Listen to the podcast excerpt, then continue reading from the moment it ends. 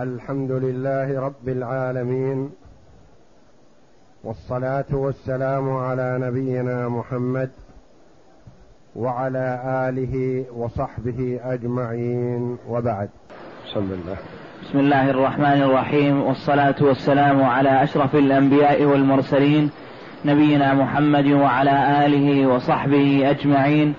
قال المؤلف رحمه الله تعالى فصل وإن أجج في سطحه نارا فتعددت فأحرقت شيئا لجاره وكان ما فعله يسيرا فتعدت فتعدت ما تعددت فتعدت فأحرقت شيئا لجاره وكان ما فعله يسيرا جرت العادة به لم يضمن لأنه غير متعد.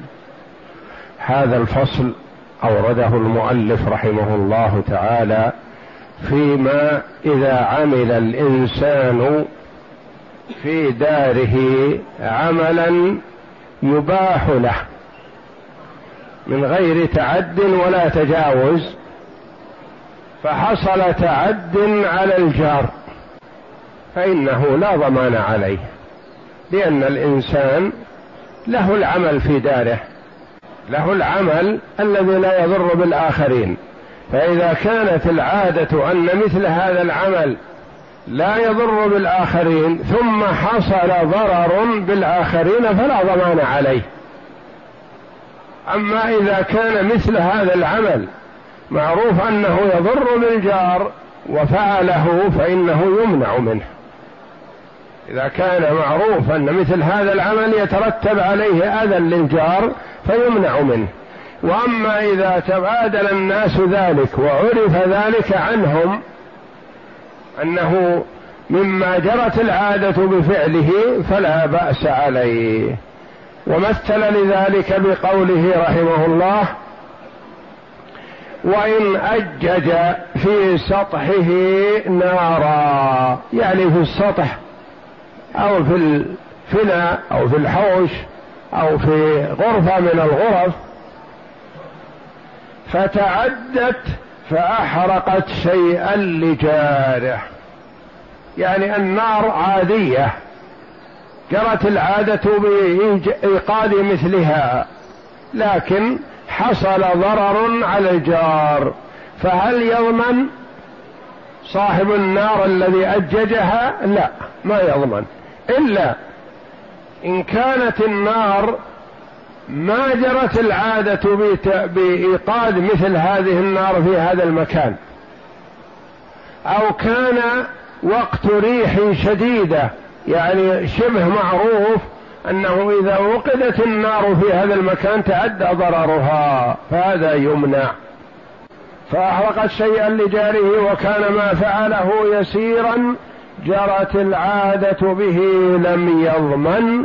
لأنه غير متعد يعني ما تجاوز ما يباح له. نعم. وإن أسرف فيه لكثرته أو لكونه في ريح عاصف ضمن. إذا أسرف تجاوز الحد مثلا أجج نارا كبيرة أو كان الجو فيه هواء عاصف ريح شديدة معروف ايقاد النار في هذا المكان يتعدى ضرره فيمنع من ذلك فإن فعل فعليه ضمان ما أتلفت النار. نعم. وكذلك إن سقى أرضه فتعدى إلى حائط آخر.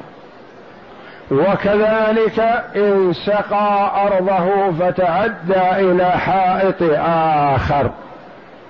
سقى أرضه زرعه نخله فتعدى هذا الماء إلى أرض الجار فأثر في الجدار فلا يخلو. إن كان هذا شيء عادي وجرت العادة بفعله فلا ضمان عليه لأن الإنسان له حق أن يزرع في أرضه ويسقي زرعه. وأما إذا أكثر من الماء أكثر مما جرت به العادة فكأنه قصد الإضرار بالجار لإسقاط جداره فإنه يضمن. وهكذا كل فعل مثلا جرت العادة بفعله في البيوت فلا ضمان على صاحب البيت مما يحصل على الجار. وكل فعل ما جرت العادة بفعله في البيوت أو فيه إسراف فإن الجار له حق أن يمنع جاره منه وما تلف عنده فإن من تسبب لذلك يكون عليه الضمان. نعم. فصل وإن أطارت الريح إلى داره ثوبا لزمه حفظه لأنه أمانة حصلت في يده فلزمه حفظها كاللقطة. هذا الفصل بخلاف الفصل الأول. الفصل الأول فيما فعل الإنسان وتعدى أو لم يتعدى وحصل به ضرر. هذا الفصل فيما لم يحصل منه فعل. فمثلا أطارت الريح ثوبا للجار فوقع هذا الثوب في نار قد أججها أو وقع في ماء أو وقع في أرض يابسة نظيفة. هو في هذه الأحوال كلها لا يضمن إن حصل تلف للثوب. لأنه من حقه أن يعمل ما يسوغ له عمله في داره. ثم إذا وقع في أرض نظيفة ولم يحصل عليه ضرر فهل يجوز له السكوت عليه؟ لا. لأن صاحبه لا يدري عنه.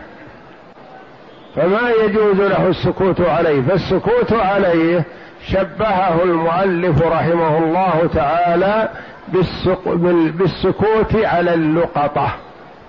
إنسان التقط لقطة وجدها هل يسوغ له أن يسكت عليها ويقول إن أنشد عنها صاحبها دللته وإلا أسكت؟ نقول لا ما يسوغ لك أن تسكت.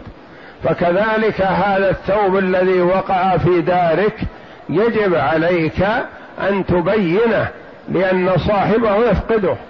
فما يدري أهو سرق. ام أطارته الريح وأطارته الريح إلى هذا البيت أو هذا البيت أو في الشارع فأخذ. ما يدري. فالواجب على من وقع في داره أن يبين هذا. وجعل المؤلف رحمه الله حكمه حكم اللقطة. وإن أطارت الريح إلى داره ثوبا لزمه حفظه.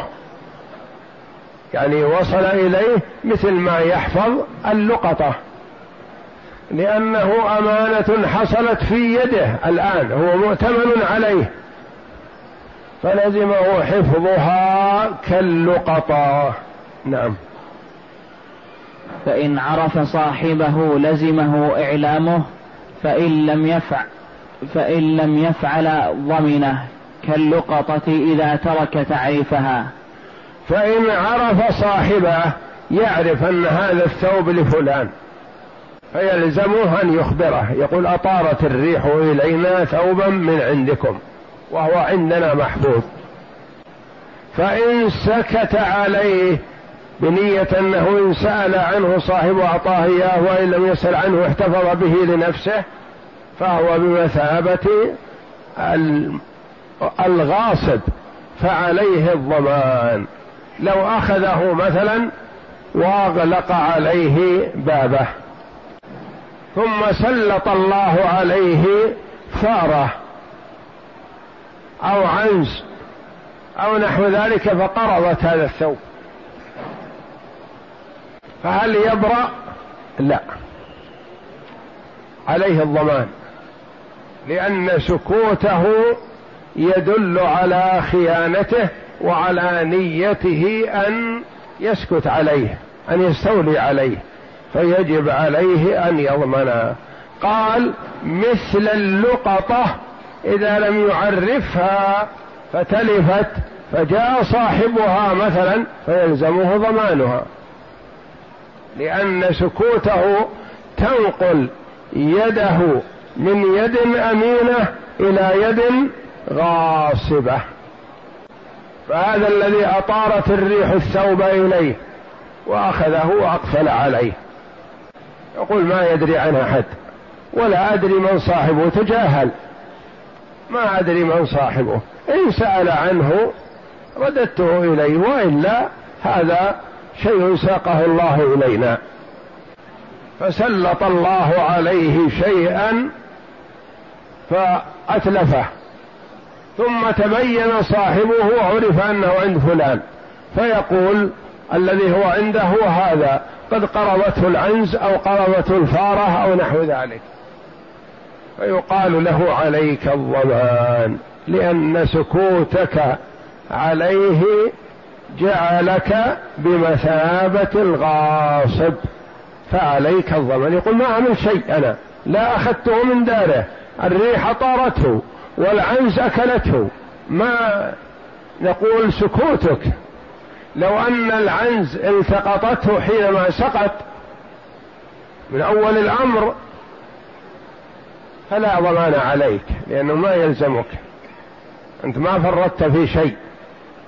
لكنك أخذك إياه وحفظك له وسكوتك عليه يدل على أنك بيت نية الغصب فعليك الضمان. نعم. وإن دخل طائر داره لم يلزمه حفظه ولا إعلام صاحبه لأنه محفوظ بنفسه فإن أغلق عليه بابا ليمسكه ضمنه لأنه أمسكه لنفسه فضمنه كالغاصب. وإن لم وإن لم ينوي ذلك لم يضمنه. لأنه لأنه يملك التصرف في داره فلم يضمن ما فيها. هذا يختلف. الطائر يختلف عن الثوب. الثوب ما يعود إذا سقط من أعلى ما يعود إلى صاحبه. فيلزم صاحب الدار أن يخبره يقول عندنا ثوب هل هو لكم أو لغيركم؟ لكن صاحب الدار أتاه حمام أو طير من أي نوع. فهل يلزمه أن يخبر عنه؟ لا لأن الطائر قالوا ينقذ نفسه. مثل ما وقع في داره يطير ويقع في دار الآخر. هو يتحكم في نفسه وينقذ نفسه. ثم إذا تلف نزل وتلف الطائر فلا ضمان على صاحب الدار. إذا نزل الطائر في داره ثم ساقه ليحتفظ به وأدخله في غرفة وأغلق عليه متعمدا السكوت عليه. فلما جاءه بعد سويعات وإذا هو قد مات. وفي هذه الحال يلزمه ضمانه لأن نيته السيئة بالسكوت عليه جعلت يده يد غاصب فعليه ضمانه. إذا نزل الطائر في داره ثم طار من الدار من الفناء إلى غرفة.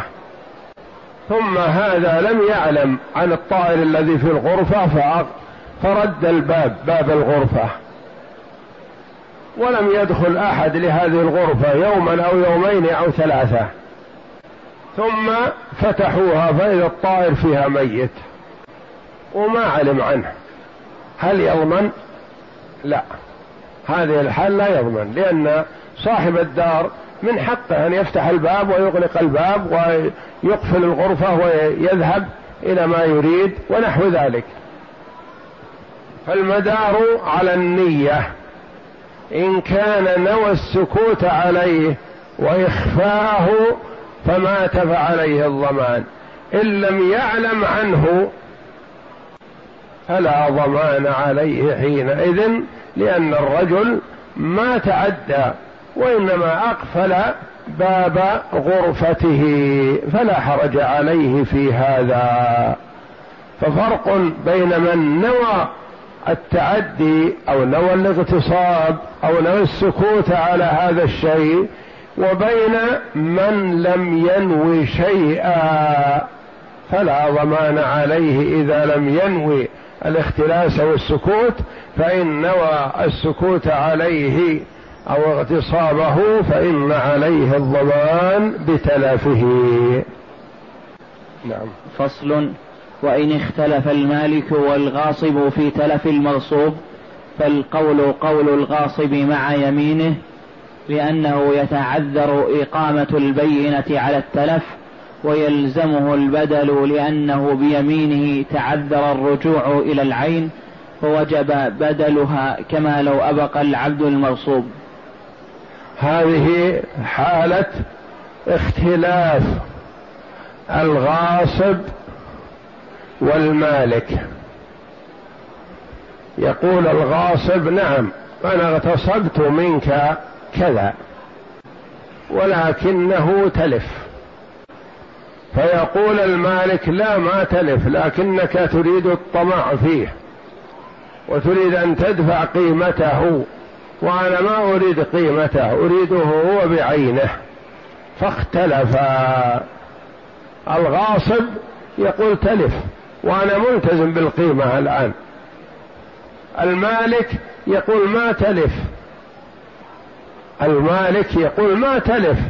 وعليك ارجاعه ويلزمه بارجاعه ويرفعه للحاكم ويقول يرجعه أو يحبس قالوا يتعذر البينة على التلف. لأن الغالب في التلف أنه يتلف في دار المرء ما في شهود. يشهدون على هذا. فمن القول قوله؟ القول قول الغاصب في هذه الحال. مع يمينه. يحلف بالله العظيم إن هذا الذي اغتصبت منك مثلا بعيرا أو شاة أو سجادة أو دجاجة أو أي مغتصب يحلف بالله العظيم أنه تلف. فإذا حلف لزمته القيمة حينئذ. إذا اختلف المالك والغاصب في تلف المغصوب فالقول قول الغاصب مع يمينه. لأنه يتعذر إقامة البينة على التلف. مثل هذه الأمور يتعذر يقال مثلا للغاصب أحضر بينة أنه تلف. يقول من يدري عن؟ أنا اغتصبت. صحيح اغتصبت. لكن أغلقت على هذا العين المغتصبة فتلفت. من يدري؟ لأنه يتعذر إقامة البينة على التلف فيلزمه البدل. ثم لا يخلو. إن كان مثلي فيلزمه مثله. وإن لم يكن مثلي فيلزمه بدله. إن كان من الأواني أو من السجاد أو من الإبل أو من اشياء ممكن الوقوع على مثلها فيقول اشتر له بدله. وأعطه إياه بقيمة أقل أو أكثر. إذا لم يكن مثلي يختلف العين فيقال له تعطيه قيمته يوم تلفه فوجب بدلها كما لو أبق العبد المغصوب.